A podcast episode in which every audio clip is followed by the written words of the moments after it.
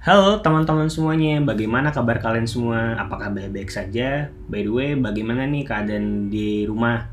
Apakah kalian baik-baik aja menghadapi pandemi saat sekarang ini? Atau lagi ngurung? Atau lagi capek dengan stresnya seperti ini? Jangan capek dong, jangan stres. Karena kita kan lagi pandemi saat sekarang ini kita harus sabar, harus banyak meningkatkan skill kita. Nah, sebelumnya perkenalkan dulu nih gue Gilang, gue dari XR-nya tim perawatku. By the way, kali ini gue akan menjelaskan kepada teman-teman semua topik kita di kali ini apa saja syarat untuk menjadi seorang perawat. Nah, sebelum kita membahas ke topik kita terlebih dahulu nih, kita harus tahu dulu nih apa sih perawat itu.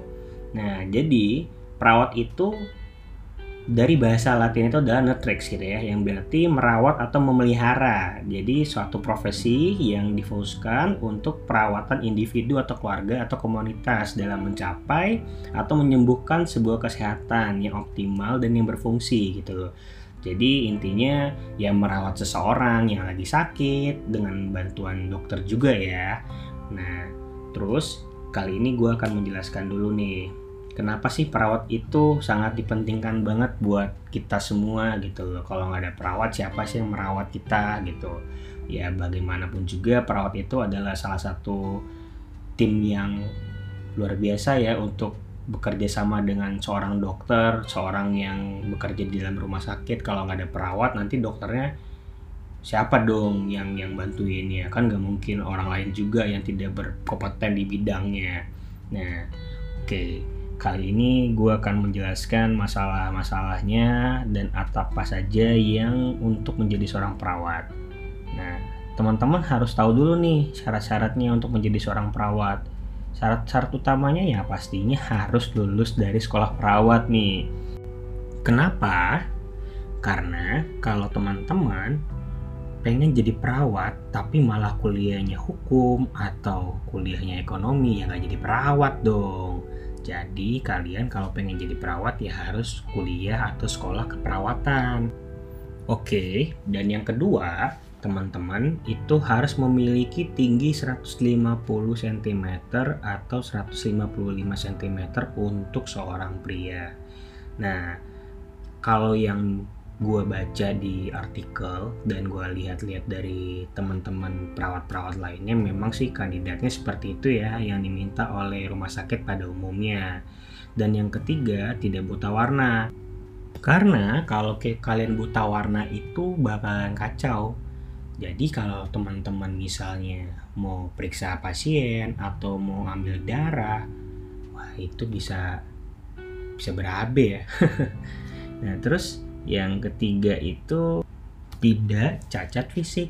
Nah karena kalau kalian mempunyai keterbatasan fisik gitu keterbatasan fisik dalam melakukan sesuatu itu sangat dikhawatirkan banget sih gitu.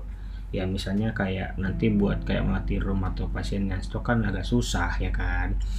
Nah terus yang ke keberapa gue lupa tak ketiga keempat itu yang pastinya kalian harus pinter juga, harus punya uang juga gitu kan untuk menempuh pendidikan ilmu keperawatan. Nah, yang paling penting nih, teman-teman juga harus mempunyai tanggung jawab, terus dapat dipercaya. Karena kalau kalian itu bisa dipercaya atau mempunyai tanggung jawab untuk menyelesaikan pekerjaan kalian tersebut, itu akan menuntaskan pasien-pasiennya yang dari sakit menjadi sembuh gitu. Paling penting itu kalau menurut gua itu ya harus sabar. Ya kalau kalian gak sabar ya wah kasihan dong pasiennya. Karena buat gue itu adalah perawat itu harus sabar. Karena kan macam-macam ya karakter-karakter perawat apa sorry pasien-pasien tersebut gitu loh. Kita nggak tahu kan pasiennya yang minta inilah minta itulah. Apalagi teman-teman juga kerjanya kan shift-shiftan ya. Nah jadi buat teman-teman yang pengen jadi perawat itu harus paling penting itu sabar sih gitu loh. Selain kalian harus menjadi lulus perawat dulu nih gitu loh. Nah karena kalian pengen jadi perawat otomatis kan kalian harus menempuh pendidikan nih pendidikan perawat ya kan? Nah pendidikan perawat itu kalian bisa sharing aja atau share ke Google atau apa pun itu yang mempunyai tempat-tempat yang menampung untuk sekolah-sekolah perawat. Di situ yang paling penting adalah untuk menjadi seorang perawat itu yang wajibnya itu harus mempunyai STR terlebih dahulu. Karena kalau tidak ada itu kalian nggak bisa merawat nih atau kerja di rumah sakit. Nah paling penting juga sih ya berpenampilan menarik ya. Karena kalau nggak menarik ya susah. Masa kalian compang camping pakaiannya atau tidak menarik? Ya kalau wanita ya bersolek lah ya pakai ba pakai baju yang rapi terus pakai make up lipstick atau apa pun itu yang jelas sih menarik dong kalian supaya bisa juga enjoy atau meningkatkan kepercayaan diri kalian terhadap pasien-pasien kalian tersebut. Ya ngaruh nggak ngaruh sih tapi ya itu ngaruh lah. Karena kalau kita kucel juga sih ngerawat-rawat kayak gitu ya nggak enak juga lah. Tapi dengan keadaan tertentu ya. By the way perawat itu nggak boleh jijik nah kenapa? Karena kalau kalian jijik ya nggak nggak ada gunanya buat jadi perawat kan? Soalnya pasien-pasien itu kan memiliki penyakit yang berbeda-beda ya. Mana tahu dia habis kecelakaan yang berdarah-darah atau bagaimana gitu loh. Itu kalian nggak bisa. Jadi kalau kalian jijik mending gak usah deh jadi perawat. Yang kedua itu kalian juga harus bisa bekerja sama dalam tim. Nah karena kalau kita kerja dalam tim itu ya harus saling tektokan ya gitu loh. Makanya ada gunanya itu di perawat itu kerjanya kan shift-shiftan ya kan? Kalian kayaknya susah deh kalau pengen dapat waktunya libur weekend atau gimana yang pengen pergi sama pacarnya atau sama keluarganya agak susah. Cuma itu bisa diatur sih tergantung pihak rumah sakit yang menentukannya bagaimana jadwal kalian tersebut gitu loh. Nah terus kenapa sih uh, perawat itu harus mempunyai jiwa empati gitu loh karena gini loh kalau kalian mempunyai jiwa empati berarti itu adalah sebuah soft skill kalian yang untuk ditanamkan sebagai seorang perawat gitu loh. Jadi kalian bisa mengayomi mereka gitu loh. Bisa melihat karakter-karakter si pasien itu maunya gimana gitu loh dan kalian juga bisa menenangkan hati si pasien kalau lagi sakit bagaimana, lagi stresnya bagaimana gitu loh kan. Nah, banyak juga nih orang salah kaprah gitu kenapa banyak orang yang bilang itu kalau kuliah atau sekolah keperawatan itu nanggung lebih baik jadi dokter deh gitu. Nah itu nggak boleh ya. Karena konsep pendidikan dan pelayanan antara dokter dan perawat itu sangat berbeda loh teman-teman. Jadi di keperawatan itu kita bisa belajar mengenai pemenuhan kebutuhan dasar manusia termasuk kayak biopsiko, spiritual dan kulturalnya. Terus gak hanya sekedar sains ya, tapi kehidupan sosial juga yang kita pelajari. Bagaimana cara berkomunikasi yang baik dan efektif memberikan pelayanan kesehatan buat menunjang untuk kesembuhan si pasien tersebut nih. Dan sebagiannya dan sebagiannya itu Meskipun begitu ya beberapa materi kuliahnya yang dipelajari antara pendidikan dokter dan ilmu keperawatan itu ya ada yang sama juga gitu jadi nggak jauh-jauh beda amat gitu beberapa mata kuliah yang dipelajari ya di jurusan di antara lainnya juga ada kayak biologi, ada biokimia, anatomi, fisiologi, fisika dan lain-lain gitu.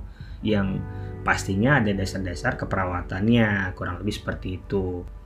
Nah, yang paling penting teman-teman harus tahu dulu nih berapa sih gaji perawat. Biasanya perawat itu tergantung UMR di kota setempat ya. Jadi teman-teman kalau pengen dapat gaji yang sesuai dengan UMR yang agak gede ya cari aja kota-kota yang besar gaji UMR-nya di mana. Kayak kota-kota besar kayak Jakarta kayak di Karawang juga gede kok. Tapi teman-teman jangan lihat gajinya dulu deh. Yang paling penting tujuan kalian untuk jadi seorang perawat itu apa sih? Gitu. Jangan hanya sekedar mencari uang aja. Memang uang itu sangat dibutuhkan buat saat sekarang ini, tapi tugas mulia kalian itu apa menjadi seorang perawat? Sama halnya kayak dokter atau sama halnya kayak seorang pengacara yang membela klien-klien yang salah atau kalian-kalian yang menyimpang atau bagaimanapun itu, tetap poin utamanya adalah kembali lagi nih, kenapa kalian pengen menjadi seorang perawat atau kenapa kalian memilih profesi tersebut? Jadi itu poinnya. Oke. Sekian dulu dari gua. Mungkin nanti kita akan membahas topik-topik lainnya yang lebih menarik lagi dan teman-teman juga bisa sharing-sharing atau pengen bergabung dengan kita juga boleh. Nanti kita akan bahas yang lebih menarik lagi pastinya. So, gua akhiri saat sekarang ini Assalamualaikum warahmatullahi wabarakatuh. Sampai jumpa teman-teman. Dadah.